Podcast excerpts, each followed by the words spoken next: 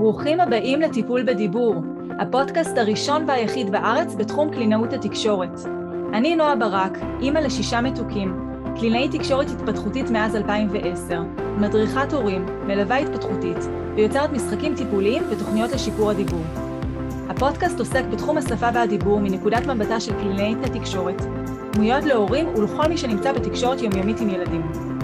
חפשו אותי באתר שלי noabarak.co.il ועקבו אחריי גם ברשתות החברתיות. האזנה נעימה. שלום לכל המאזינות היקרות. נמצאות איתנו היום שתי קלינאיות תקשורת, גם חלי צבילינג וגם שירי אופיר. חלי ושירי שתיהן מדריכות ארציות לקלינאיות תקשורת במשרד החינוך. חלי בנוסף גם מדריכת אוטיזם במתיה, דוקטורנטית באוניברסיטת תל אביב, חוקרת התפתחות שיחה בגילאי בית ספר, היא בעלת קליניקה פרטית, מטפלת בילדים על הרצף, בילדים עם אה, קשיי אפרקסיה ובכלל בגיל הרך. שירי היא גם מומחית תחום קלינאות תקשורת במתיעות השונות, מורשת נגישות השירות מטעם אוניברסיטת תל אביב, יש לה תואר שני בלימודי קלינאות תקשורת מאוניברסיטת מקגיל בקנדה, וגם לה יש קליניקה פרטית, מטפלת בילדים בגיל הרך ובבית הספר היסודי במגוון לקויות שפה, תקשורת והיגוי. מה שלומכן, חלי ושירי? תודה. היי נועה. היי. יופי, אז אנחנו הולכות לדבר היום, הנושא חם במיוחד בזמן הזה של השנה, ועדות אפיון וזכאות, מה שבמקור אה, נקרא ועדות השמה. לקראת שנה הבאה אנחנו נדבר קצת על גנים של חינוך מיוחד ובכלל על עזרה במסגרת הגן. אז אה, בואו באמת אה, נתחיל מלדבר מה בעצם המשמעות של הוועדות האלה, ההורים מתחילים לשמוע ועדות, צריך לעבור ועדה, מה בעצם המשמעות של הוועדות האלה? אני אתחיל, חלי? אוקיי. Okay. אז uh, הוועדות היום נקראות ועדות אפיון וזכאות.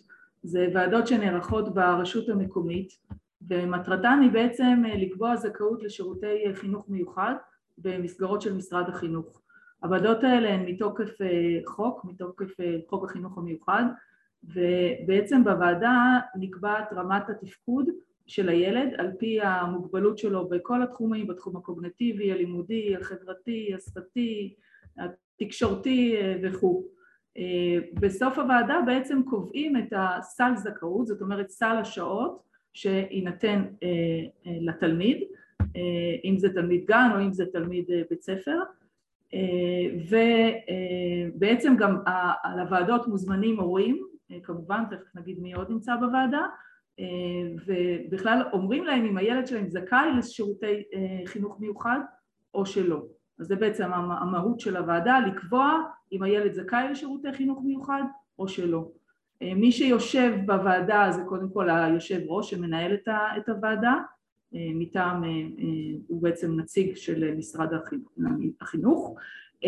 בוועדות יושבים נציגי פיקוח של שירותי החינוך המיוחד, נציג מהרשות בדרך כלל, פסיכולוג שהוא גם זה שנותן בסוף הוועדה את הקוד של האפיון של הזכאות, אם, אם יש לילד הזה זכאות, וכמובן הרבה פעמים יש גם נציגי הורים, והכי חשוב, אתם ההורים כמובן מוזמנים לוועדות האלה, ואתם יכולים להביא מי מטעמכם שאתם הייתם בוחרים, אם זה המחנכת או הגננת או מטפל פרטי שהייתם רוצים להביא לוועדה, הכל לפי שיקול דעתכם, בוועדה בעצם מתקיים דיון, הדיון הוא דיון אה, אה, מקצועי אה, ולכן חשוב מאוד שכל מי שחשוב לכם ההורים להביא לוועדה ינכח בוועדה.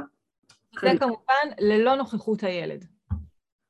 לא כמובן ללא נוכחות הילד, ממש לא. בגילאים מסוימים ובהתאם להתייעצות שעושים בדרך כלל מראש, בהחלט מזמינים את הילד בטח אם זה ילד שהוא ורבלי ויכול אה, אה, לדבר ולהגיד אה, מה רוצה, זה בדרך כלל לא קורה באמת בגילאי הגן, זה קורה יותר בגילאי הבית ספר, אבל בהחלט אני יכולה להגיד שאני ישבתי בוועדות והוזמנו לשם ילדים ובהחלט שאלו אותם כדבר ראשון מה החוזקות שלהם, מה הדברים שהם היו רוצים לשפר ובהתאם לזה גם שאלו אותם בסוף מה הם היו רוצים. אז לגמרי שואלים את הילד זה מאוד מאוד חשוב זהו, אז גילאי בית ספר זה הגיוני יותר, אבל גילאי גן, לנכוח בוועדה שמדברים, מציפים את הקשיים, את כל ההתמודדויות, לא... נכון, זה נכון. מאוד מתאים.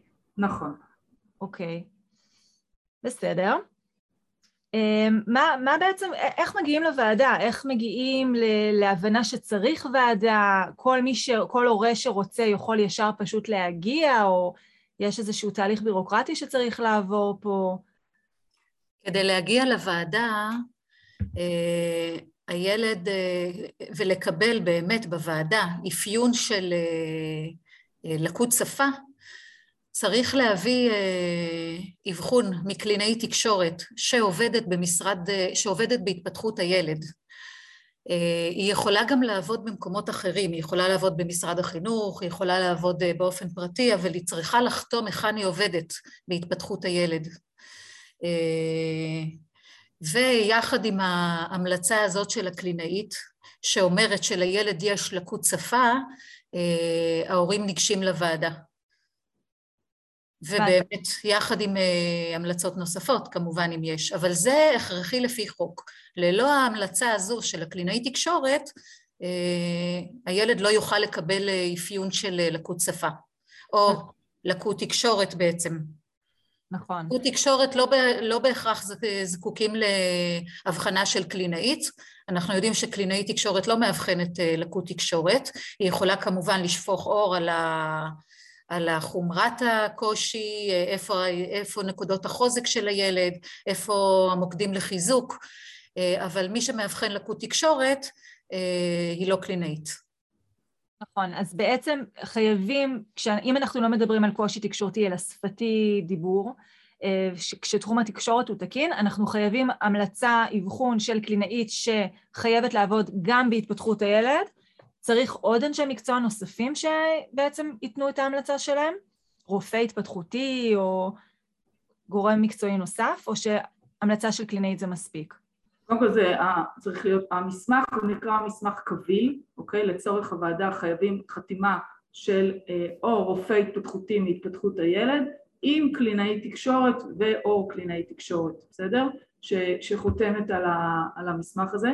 חשוב לציין שגם לוועדה יש עוד מסמכים קבילים שחייבים, אחד מהם זה בדיקת שמיעה, אוקיי? לא תתקיים, לא תיפתח בעצם ועדה ללא בדיקת שמיעה ובדיקת ראייה.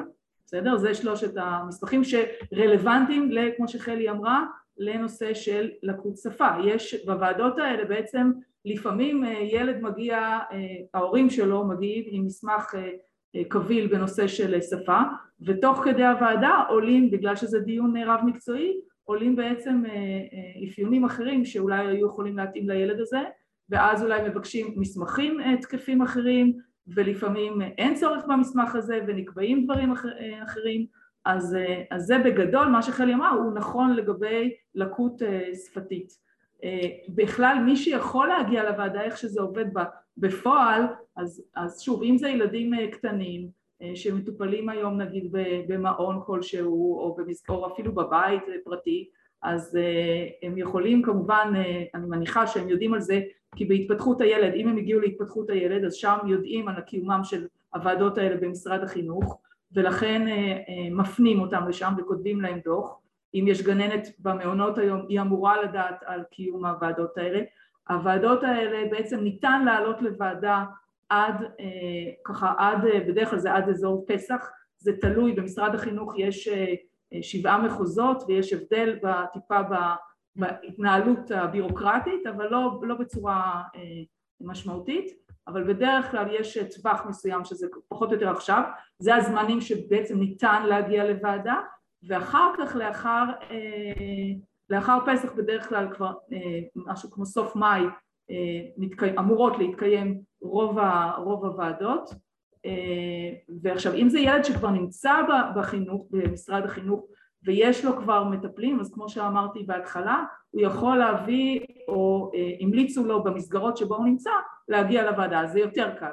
הקושי הוא בעיקר ילדים שאני יודעת ש, של הורים שלא יודעים ונמצאים רק בהתפתחות הילד או בבית, אז נכון, חוץ מה, מהפרסומים, כמו אפילו פרסום שאנחנו עושות עכשיו, אז אה, לא כל ההורים יודעים את זה ש, שיש להם זכאות לזה. ואז הם יכולים בעצם לפספס שנה, כי הוועדות הן תמיד לקראת שנה הבאה, הם לא יכולים אה, אני מניחה שבאמצע שנה זה יותר מורכב. אני שמחה שבמדינת ישראל, אני חייבת להגיד, שוב, לא עשיתי סטטיסטיקה, אבל לא המון המון הורים פספסו שנה בגלל חוסר ידע. וגם תכף בטח את הגיל לזה, אבל יש גם מה שנקרא מקרים חריגים שתמיד מסתכלים ובודקים כל מקרה לגופו וכן ניתן לדון גם בכאלה שלא הספיקו בדיוק בזמן אבל בדרך כלל הורים שמטופלים באיזשהו שלב וזה המקרים רוב ההורים במדינת ישראל כנראה יודעים לפנות כשהם צריכים לדאוג לילד שלהם לשמחתי לפחות ברמה של השפה שילד לא מדבר ואני שמחה שגם אנחנו אנשי המקצוע וחלקנו גם קליני, מתוכם קלינאי תקשורת מפנים אותם לאן ש, שצריך. יש לא גם ו... ויש גם ועדות אה, מאוחרות. נכון. ועדת אז... חריגים מה שנקרא? נכון, אז יש את זה גם. כמובן שלא כדאי אף פעם להגיע מאוחר, ו... כי באמת אה, הדברים אחר כך נראים אחרת. אם הדברים לא מאורגנים בזמן, אה, את יודעת, יכול פשוט לא להישאר לילד מקום, אז לא כדאי להישאר עד הרגע האחרון.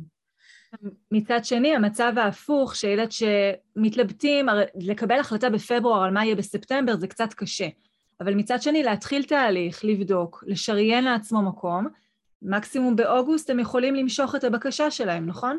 נכון, וגם דבר נוסף, כשחושבים על הוועדה, הוועדה זה בעצם אוסף של אנשי מקצוע שבאים וחושבים יחד עם ההורים לטובת הילד. כמו ששירי אמרה, ההורים יכולים להביא מי, מי מטעמם שהם אה, חושבים שיכול לעזור.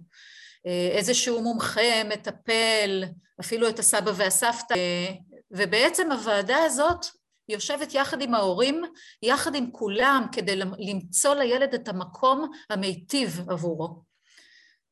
אין ספק, טובת הילד זה תמיד במקום הראשון, וזה ברור, ברור לכולם. אה, נכון, אבל באמת לפעמים קשה לדעת מה יקרה בעוד שבעה חודשים, לכולם קשה לדעת, אנחנו לא יכולים... אז בהחלט, בהחלט שווה לשריין מקום, ואחר כך תמיד אפשר לוותר. נכון. תמיד יהיה מי שירצה את המקום הזה. כי זה באמת, אה, אפשר להגיד גם שהחינוך המיוחד משקיע משאבים כספיים עצומים.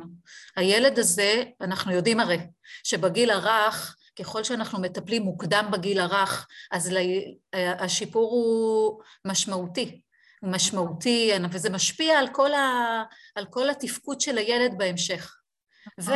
וכמובן אנחנו פה קלינאיות תקשורת ואנחנו יודעות שלקות שפה בגן הופכת אחר כך ללקות למידה.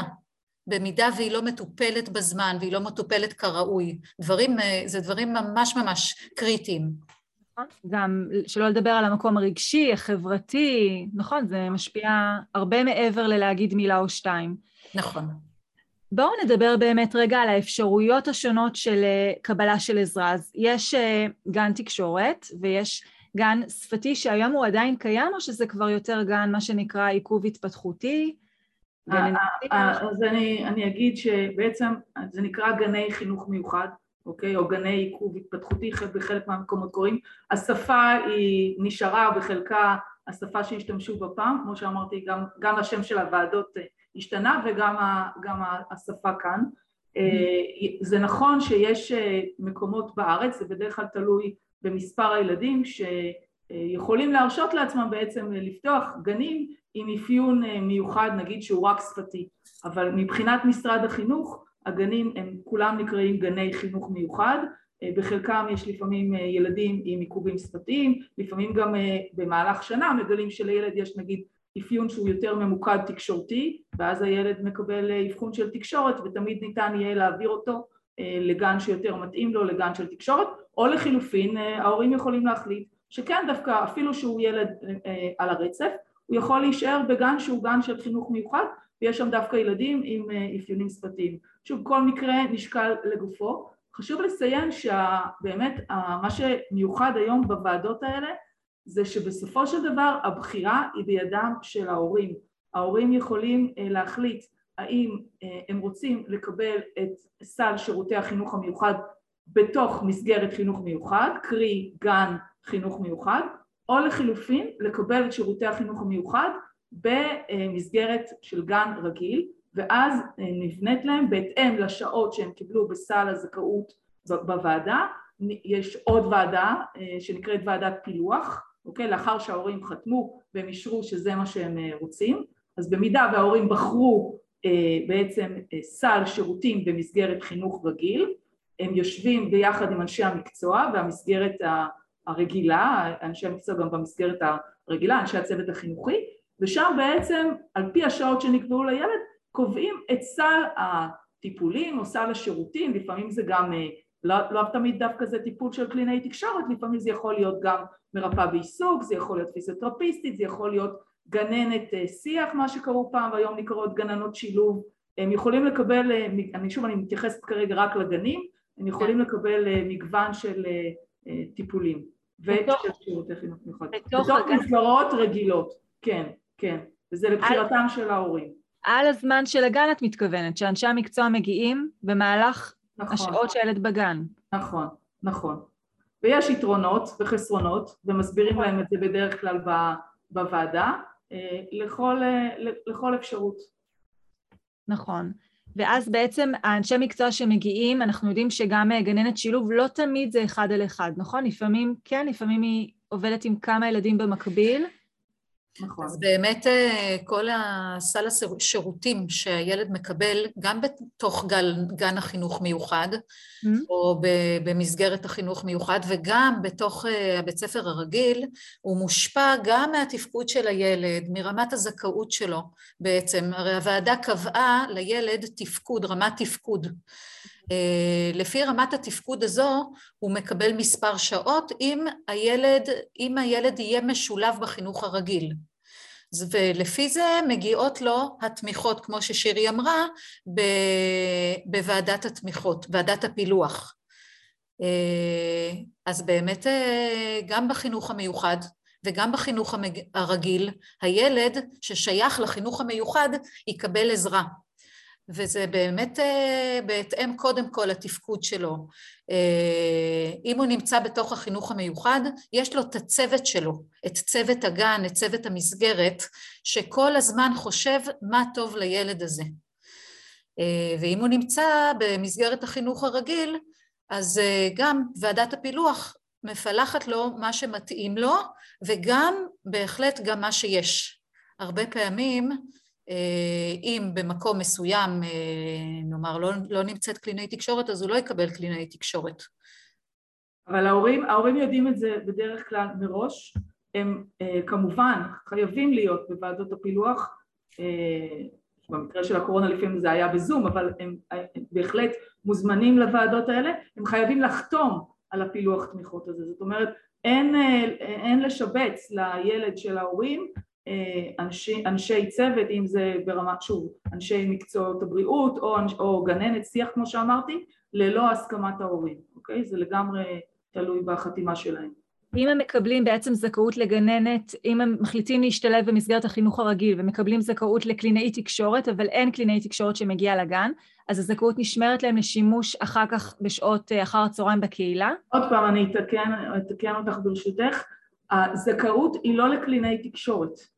נכון. ובאף, ובאף ועדת אפיון וזכאות לא אומרים להורים אה, איזה סוג טיפולים הילד שלהם זכאי לו. מה שאומרים בוועדת הזכאות, כמו שחלי אמרה, זה את מספר השעות, קודם כל אם הילד באמת זכאי או לא, אוקיי? כן. יש ילדים שמגיעים לוועדה והם לא זכאים, במידה והוא זכאי הוא מקבל אה, סל שעות, שזה מה שנקרא, שאם ההורה בוחר בסל רגיל, אוקיי? ואז יש ועדת פילוח ושם בעצם מחליטים איזה סוגי תמיכות יהיה לילד הזה. וכן, אמורים לשקף להם ולומר, שוב, לא תמיד אנחנו יודעים את הכל כי הוועדות, אה, הוועדות פילוח תמיכות נעשות בדרך כלל בסוף שנת הלימודים ולא תמיד בסוף שנת הלימודים כל אה, מתיה, שזה מרכז תמיכה יישובי אזורי שבעצם הוא זה שמספק את שירותי החינוך המיוחד, הוא אחראי על המטפלים שבעצם מגיעים למסגרות הרגילות, נותן את ה... נותן את התמיכות, אז לא כל מתיה כזאת יודעת לומר אם בוודאות יהיו בגן הזה מטפלים או לא, אנחנו כן משתדלים שוב אה, לומר את הדברים ולדעת כמה שיותר את הנתונים לפני כן. ברור, אבל... אם אנחנו מדברים על ה... את רוצה להגיד לפני זה, נועה, משהו? לא, לא, רק רציתי לחדד את השאלה, אבל אולי תעני עליה עכשיו את. אני... כן. לא, לגבי אם כן אנחנו מחליטים שאנחנו רוצים לתת לו, להקנות לו קלינאי תקשורת ואין קלינאי תקשורת במסגרת הגן, האם זאת זכאות שנשמרת לו אחר כך לשימוש בקהילה? כן, אז זה בדיוק מה שרציתי לומר. קודם כל אנחנו יודעים שכשילד נמצא בתוך הגן ויש לו קלינאי תקשורת ויש לו מספר טיפולים שונה ומגוון וכל מיני אנשי מקצוע שעובדים איתו, לא כל המרבה הרי זה משובח. אז בעצם יש אה, משרד החינוך ומשרד הבריאות יחד ישבו ויצרו מסמך רצף טיפולים. ויש בינינו לבין, בינינו משרד החינוך לבין משרד הבריאות קשר ותקשורת. ואם קלינאית בגן, אם קודם כל באמת היא במידה והקלינאית ולא נמצאת קלינאית בגן אה, אז הילד הזה מופנה לקהילה והוא יקבל את הטיפול בקהילה במידה ובאמת אה, הוא זכאי לו וצריך אותו. אה, ויש עכשיו מקרים מסוימים בתוך אה, משרד החינוך, בתוך המסגרת, שילדים מקבלים טיפול של קלינאי תקשורת, ובכל זאת הם צריכים לקבל טיפול נוסף בקהילה. ו... או למשל שיבושי היגוי, שאנחנו יודעים שלא כל כך מגיעים לזה במסגרת הגן, לעבוד בצורה... בוא נגיד שאולי פעם דיברו על זה שבמסגרת הגן לא מדברים, לא מטפלים בשיבושי היגוי, ואמרו שלא מטפלים בצרידות, ולא בגמגום, ולא באילמות סלקטיבית. היום הדברים מאוד מאוד השתנו. אנחנו עובדים ממש ממש שונה מפעם, נורא נורא התקדמנו. אה, אנחנו רואים את הילד כמכלול. אם אני רואה ילד ואני, ואפילו אם זה רק טיפול בשורקות, שזה נראה כאילו, מה, טיפול בשורקות, בשביל זה אני אתן לו קלינאי תקשורת, אבל זה משבש את התפקוד שלו, זה משבש את יכולת ההבחנה השמיעתית שלו בקריאה, אז אנחנו נטפל בזה. שאלה אם יש יכולת תמיד במסגרת הגן, האם כל קלינאית מגיעה כל שבוע לכל ילד גם באופן פרטני, כי אני יודעת שהרבה פעמים הדברים גם מתנהלים כקבוצתי, כל ילד במסגרת הגן מקבל כל שבוע גם טיפול פרטני? במסגרת... קודם כל, קודם כל יש באמת חשיבה מקצועית, מה הילד הזה צריך. Mm-hmm. והקלינאית תקשורת היא זו שרשאית לקבוע מה, באופן מקצועי, מה, למה הילד הזה זקוק. ואם ילד מסוים זקוק, אה, נאמר אה, ילד אפרקסי, שממש ממש צריך את החזרה ואת ה... יותר מהפעם בשבוע שהקלינאית באה, פעם או פעמיים. אז הקלינאית הזאת כן, תעבוד איתו באופן פרטי, באופן פרטני. כן. אה, ילד אחר שדווקא זקוק לקבוצה, הוא יקבל את הקבוצה. עכשיו, אנחנו לא מנסים לייפות את הדברים. יש לגן מסוים מספר שעות, ויש גם מספר ילדים, ולפעמים הצרכים דווקא עולים על ההיצע. ולכן ילדים מסוימים שלא מקבלים בתוך אה, המסגרת את הטיפול המתאים להם, אה, הקלינאית מבחינת היכולת והחשיבות המקצועית, היא פשוט אה, תיתן המלצה. המלצה לצאת ולקבל טיפול נוסף בקהילה. כן, אוקיי. מצוין, זה מאוד, אני בטוחה שזה מאוד מרגיע לשמוע כמובן שיש התייחסות אינדיבידואלית לצרכים של כל ילד ולא איזשהו אה, מבנה קבוע שעובדים לפיו. בואו נדבר באמת על היתרונות ועל החסרונות, בדגש נתייחס על גן, לא, לא גן תקשורתי, אלא גן שפתי או עיכוב התפתחותי, או תלוי ביישוב איך שזה נקרא, אבל ילדים באמת שהתקשורת תקינה והיכולות שפתיות שלהם הן מעוכבות. אז בעצם את, אה, את שואלת אה, למה כדאי גן שפתי?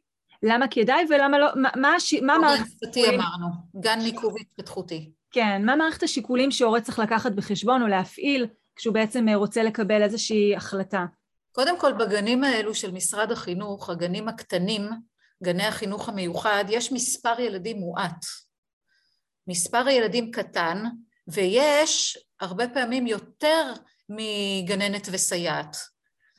מה זה מספר קטן? אם יש שמונה ילדים, תשעה, זה על אה, שני אנשי צוות, הרבה פעמים יש גם אה, בת שירות בגנים האלה.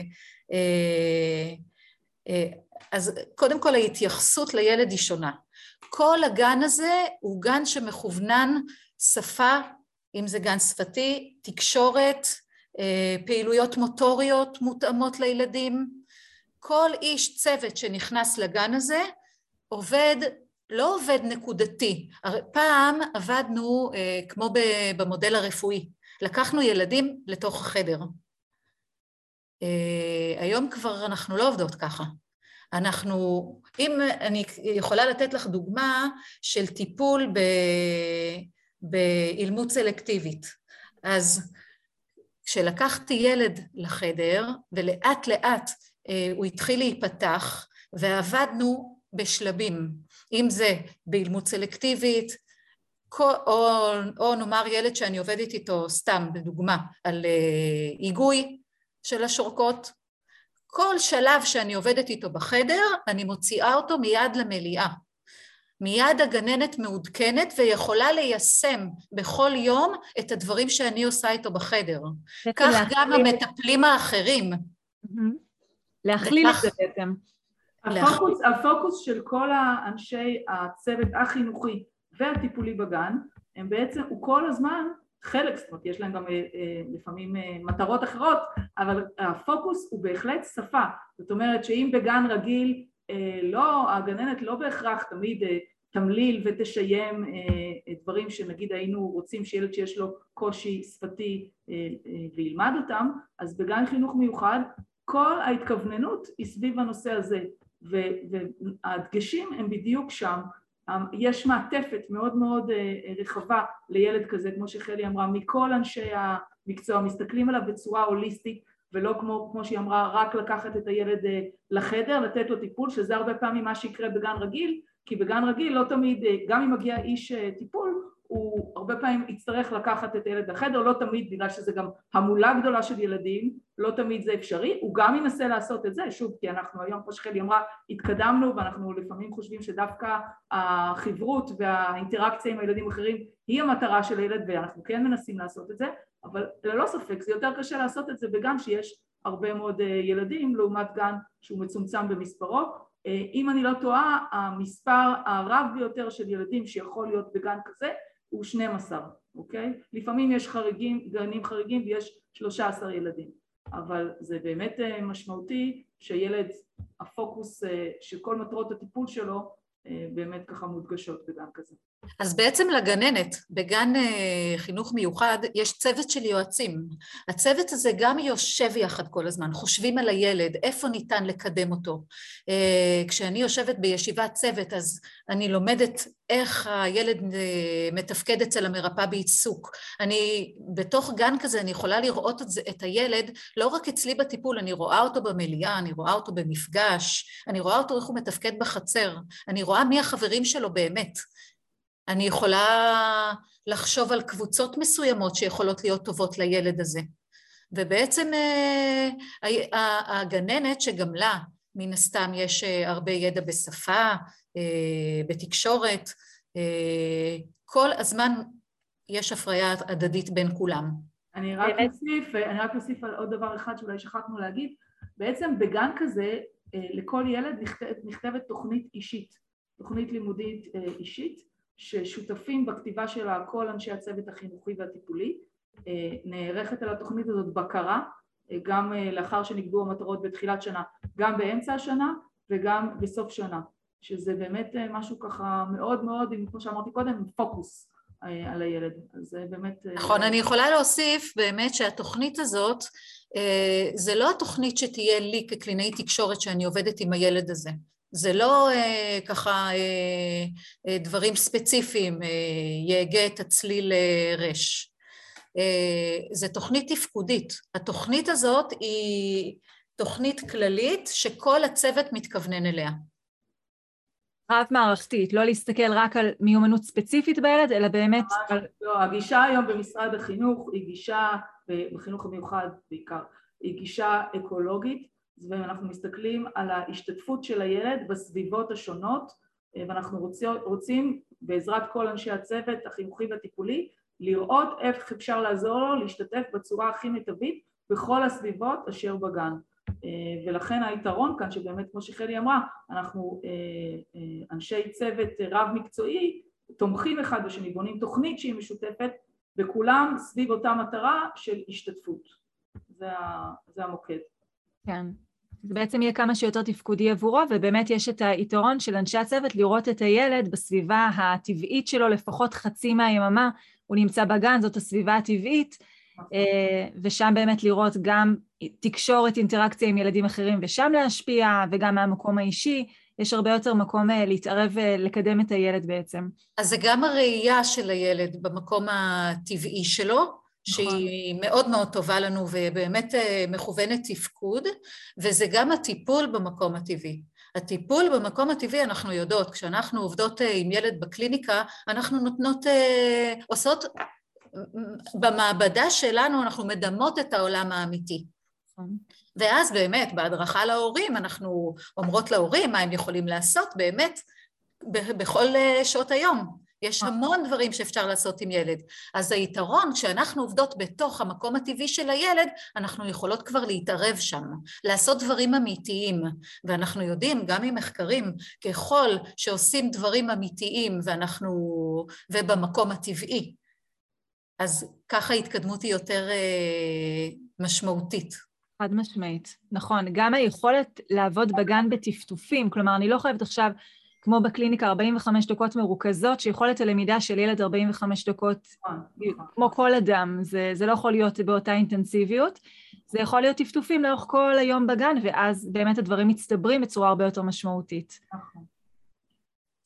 נכון. אז חיים שם שפה, ממש.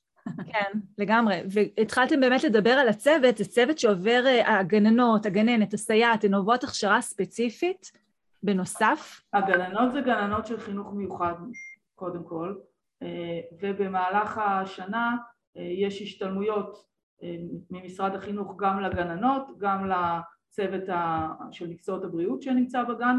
לפעמים ההשתלמויות הן השתלמויות משותפות, לפעמים יש השתלמות מן הסתם כמו שלנו הקלינאיות יש אה, השתלמויות שהן אה, ככה מאוד אה, ספציפיות לכל, לכל סקטור וזה דווקא משהו שמשרד החינוך יכול להתגאות בו, נושא ההשתלמויות. כן, מאוד מאוד חשוב באמת. הלמידה המתמדת, אנחנו יודעות שידע זה מה שמאפשר לנו לטפל טוב יותר. אני אגיד שהם מחויבו, במשרד החינוך המטפלים וגם אנשי החינוך הם מחויבים לעבור, בעצם הכשרות מקצועיות כל שנה יש מספר שעות שהם חייבים אה, בשביל להמשיך לעבוד במשרד החינוך, זה לא משהו שאפשר להמשיך לעבוד ללא הכשרה מקצועית. זה נשמע מושלם, גם, גם אה, גן קטן, גם צוות מוכוון, גם עבודה בסביבה הטבעית שלו ויומיומית. אה, ומה בכל זאת החסרונות או השיקולים נגד להורה? למה לא באופן אוטומטי, אם אני יכול, אז כן בהכרח לשים בגן שפתי או עיכוב התפתחותי? אז קודם כל, באמת אה, זה נשמע ממש אה, נהדר. ותכלס, אם היינו יכולים לכל ילד, אה, אפילו גם בחינוך הרגיל, ילד ללא שום קשיים, לשים אותו ככה בגן קטן כזה, עם, עם הרבה אנשי צוות, מאוד מכווננים אליו, זה יכול להיות הדבר הכי טוב שיש. נכון. אבל אנחנו יודעים בעצם שבתפקוד כל ילד הוא שונה. כל ילד צריך משהו אחר. יש ילדים לדוגמה, הייתה לי אה, לא מזמן אה, מטופלת, ילדה מדהימה, עם קושי משמעותי מאוד מאוד בשפה ובהיגוי, אבל לא המלצתי להם ללכת לגן שפתי, כיוון שהילדה הזאת היא סופר חברותית וההתקדמות שלה הייתה מאוד מאוד מהירה. היה לי ברור, קודם כל עשינו את כל התהליך כדי להיכנס לגן שפתי, לגן, לגן של החינוך המיוחד. אבל בסופו של דבר החלטנו שקצב ההתקדמות שלה הוא כזה שהיא יכולה להשלים את הפערים עם כמובן טיפול של קלינאי תקשורת וכל ההתייחסות הספציפית לקשיים שלה. זה לא שהקשיים נעלמים ולא מטאטאים אותם, אבל היה לי מאוד מאוד חשוב שהיא תמשיך בתלם יחד עם עם כל הילדים. אז זה באמת בהתאם לתפקוד של כל ילד. את בעצם אומרת גם בגלל החיסרון שאנחנו יכולים לחשוב עליו זה הסביבה שהילד מוקף בה, שלא בהכרח סביבה שמקדמת אותו, הסביבה של בני גילו, שלא בהכרח מקדמת, ואז בעצם אם אנחנו רואים ילד שמתפתח, שבוודאי חד משמעית מקבל הכוונה וליווי ותמיכה ועזרה קודם כל, ומתקדם, גם אם עדיין הוא לא סגר את הפער עד הסוף, אבל קצב ההתקדמות הוא מספק אותנו, אז יכול להיות שיקול מבחינתנו דווקא להשאיר אותו במסגרת החינוך הרגיל, ולא להוציא אותו למקום ש... הסביבה החברתית פחות תקדם אותו שם. יש המון יתרונות לשילוב בחינוך הרגיל. יש ילדים שפשוט את רואה שמלבד הקושי השפתי הזה שלהם, או קושי מוטורי מסוים, הם ילדים רגילים. הרי אנחנו יודעים שלכולנו יש, לכולנו ולכל הילדים, לכל אחד יש משהו. אז מה, אנחנו לא מקבלים התייחסות ספציפית על כל דבר שיש לנו. אנחנו משתלבים ומכילים אותנו, אנחנו מוכלים. נכון. אז, אז באמת זה ממש ממש תלוי בילד, וזה לא רק, לא רק אם הילד יכול להשתלב ולהתקדם בקצב מתאים, זה גם או שהוא מספיק חברותי, זה גם באמת היכולת של הילד הזה לתפקד בסביבה רגילה.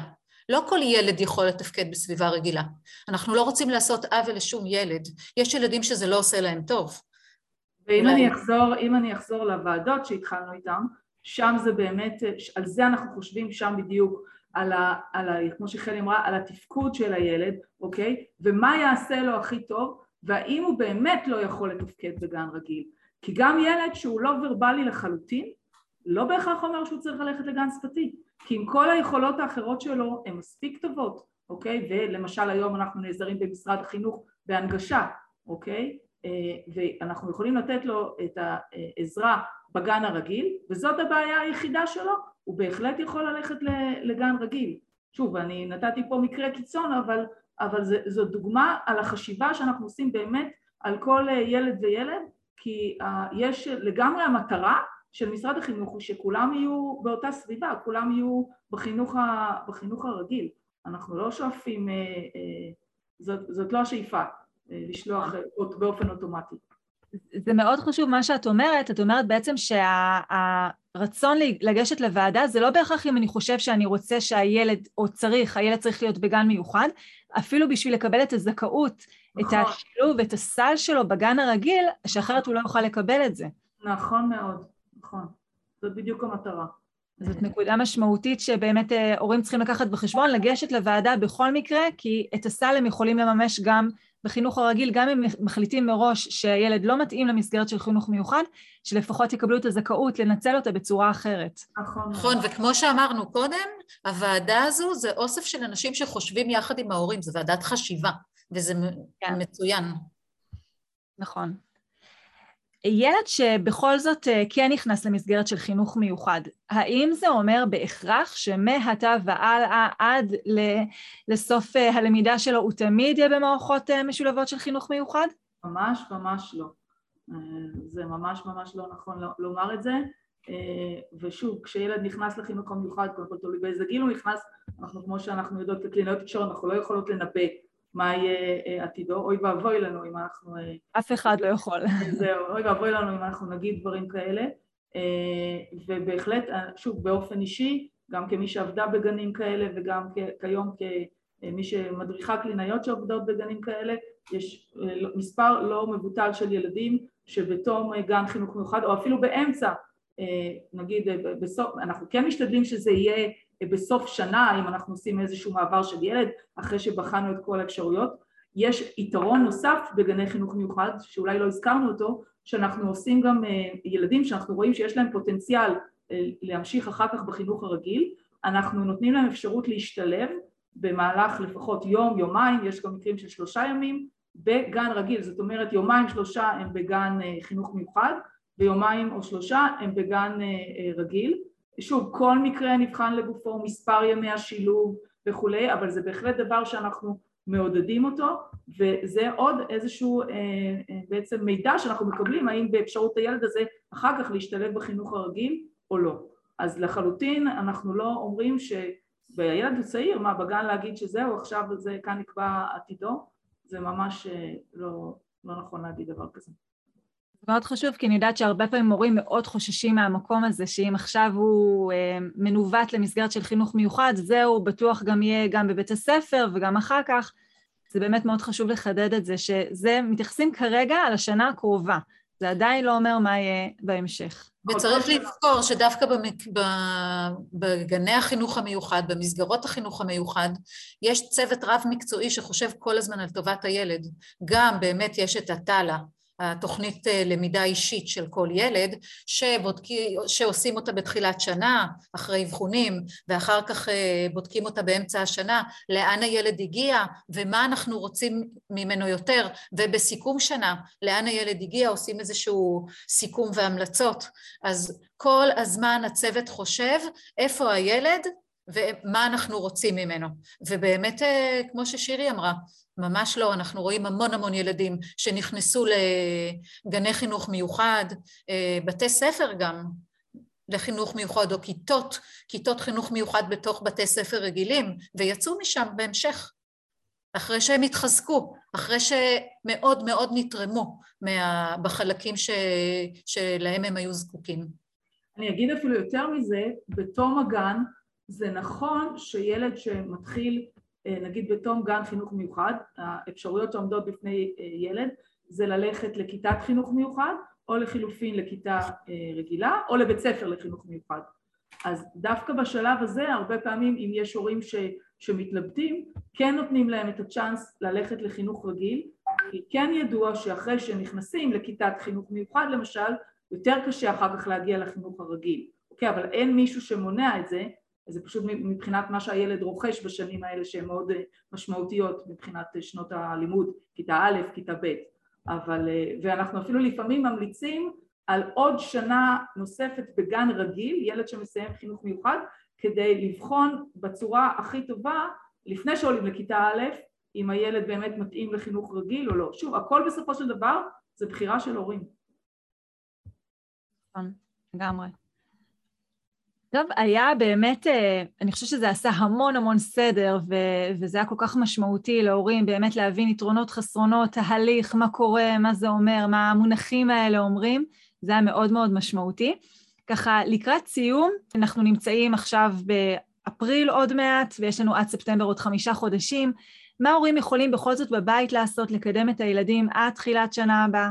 אני מאמינה אה, שכל הורה מכיר הכי טוב את הילד שלו, ואם יש הורה שחושב שלילד שלו יש איזשהו אה, קושי, אז הכי נכון זה קודם כל לפנות באמת לאיזשהו אבחון של קלינאי תקשורת, ואם אין את האפשרות להגיע אה, לאבחון, אז במהלך אה, חיי היום יום שלו עם הילד, קודם כל לתת לילד שלו את התחושה שהוא מאמין שהוא יכול, שהוא יצליח להתגבר על, ה, על הקושי השפתי, אנחנו מדברות כרגע רק על קושי שפתי שהילד, שהילד שלו חווה, אני חושבת שזה הדבר הכי חשוב לילד קודם כל, שההורה שלו ייתן לו את התחושה אה, שהוא יכול ומצליח אה, ומבחינת אה, כלי, ככה כלים לתת מבחינת ללמוד מילים, ללמוד שפה אז יש דרכים רבות לעשות את זה, שוב למצוא מילים בחיי היום יום שהן מאוד משמעותיות ולהתמקד בהן וללמד דווקא להתעקש אותם ולהכניס אותם ככה לחיי היום יום, חלק רוצה להרחיב עוד קצת כאילו על עוד כלים אני באמת מסכימה עם כל מה ששירי אמרה. באמת בחיי היום-יום אה, אפשר לעשות אה, המון, כי הכל שפה. אה, ככל שההורה יראה ככה את הילד כשותף ו... וייתן לו דוגמה, גם, גם להקשבה, כמו שאנחנו רוצים שהילד יספר לנו, אנחנו ניתן דוגמה לילד ואנחנו נשתף אותו, אה, כך זה באמת יחזור אלינו, הילד ירצה לשתף. אה, כל דבר שאנחנו עושים, הכל, הכל, הכל זה שפה וחשיבה. לקדם את השפה והחשיבה אה, בכל, בכל דבר, אם, אם אנחנו נשתף את הילד בחלוקה של, ככה, את יודעת, הרבה פעמים אני אומרת להורים, אה, אתה יכול אה, להכניס אה, חשבון בתוך חלוקת סכו"ם לשולחן, אפשר לדבר על... כשאנחנו רוצים להכין ארוחת ערב, אנחנו יכולים לשתף את הילד, לשאול אותו, כמובן אנחנו לא, לא רוצים לשבת עם הילד ולשאול אותו שאלות ולשים אותו במצב שהוא במבחן כל הזמן, ולכן מצוין לנו בתוך, בתוך החיי היומיום לחשוב ביחד עם הילד, מה אתה חושב, עכשיו נכין סלט כזה או סלט כזה, מה אפשר לשים במרק כזה, להכניס כל מיני קטגוריות, קבוצות מסוימות שמתאימות לדברים שאנחנו רוצים לעשות, התהליכים, הכל תהליכי. אם אני רוצה להכין מרק, אם אני רוצה שהילד ילך להתרחץ, אני יכולה, גם כל דבר שאנחנו עושים, אנחנו יכולים לחשוב עליו ביחד עם הילד, ביחד עם, לא לתת לילד לבד. אחר כך אנחנו יכולים לעשות אותו, זה כבר הפעם השנייה שאנחנו עוברים עליו עם הילד, כן, בזמן העשייה, אם אני אופה עוגה, אז אני, מה המצרכים ועכשיו מה נעשה ומה נעשה אחר כך ומה כדאי ולמה, למה כל דבר, ובסוף אפשר לחשוב על אה, איזה שהם אה, רעיונות איך, איך אה, לשמר את הדברים ולחזור, אבל גם, שוב, לא כדי לבחון את הילד, אלא אולי להגיד לו בוא נכתוב את המתכון שעכשיו עשינו במילים שלנו ונצייר לידו אולי את, ה, את המצרכים והכלים, וזה כדי שנראה לאבא בערב איך להכין את העוגה הזאת, מחר אולי הוא ירצה להכין אותה. ואולי, ואולי הכי חשוב זה בעצם להראות לו שאנחנו קשובים לו אה, ואנחנו מייצרים עבורו איזושהי דמות של דוגמה לאיך אנחנו בעצם מייצרים שיח כמו שצריך אה, כי אנחנו בני אדם ואולי זה אני חושבת אפילו גם אם ילד שוב לא מדבר או יש לו קושי בשפה ייקח את זה מאיתנו כדמויות ההוריות שלו אז אה, זה ככה ייתן את ה...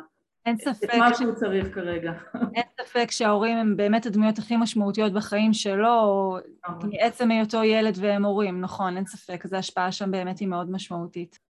אני רק רוצה באמת להוסיף שהקלינאיות, שירי ואני אה, מדריכות ארציות לקלינאיות תקשורת במשרד החינוך, כמו שאמרת, אה, ואנחנו עובדות יחד עם מומחיות התחום, שמומחיות התחום במתי"אות וקלינאיות בתי הספר הן אמונות על, ה, על כל קלינאיות התקשורת שנמצאות בשטח. אה, אנחנו עובדות עם אה, נשים מדהימות, מקצועיות, סופר חכמות, אה, ובאמת חשוב לנו מאוד מאוד שידעו שבמשרד החינוך יש קלינאיות נפלאות שעובדות בכל מקום ובאמת נותנות את הנשמה. אני חושבת שאין ספק בזה בכלל, זה כל כך ברור, ומי שאי פעם חווה גן של חינוך מיוחד יודע את זה ממש. אין, אין פה שאלה בכלל, נכון. זאת עבודה שהיא מדהימה, היא עושה באמת עבודת קודש.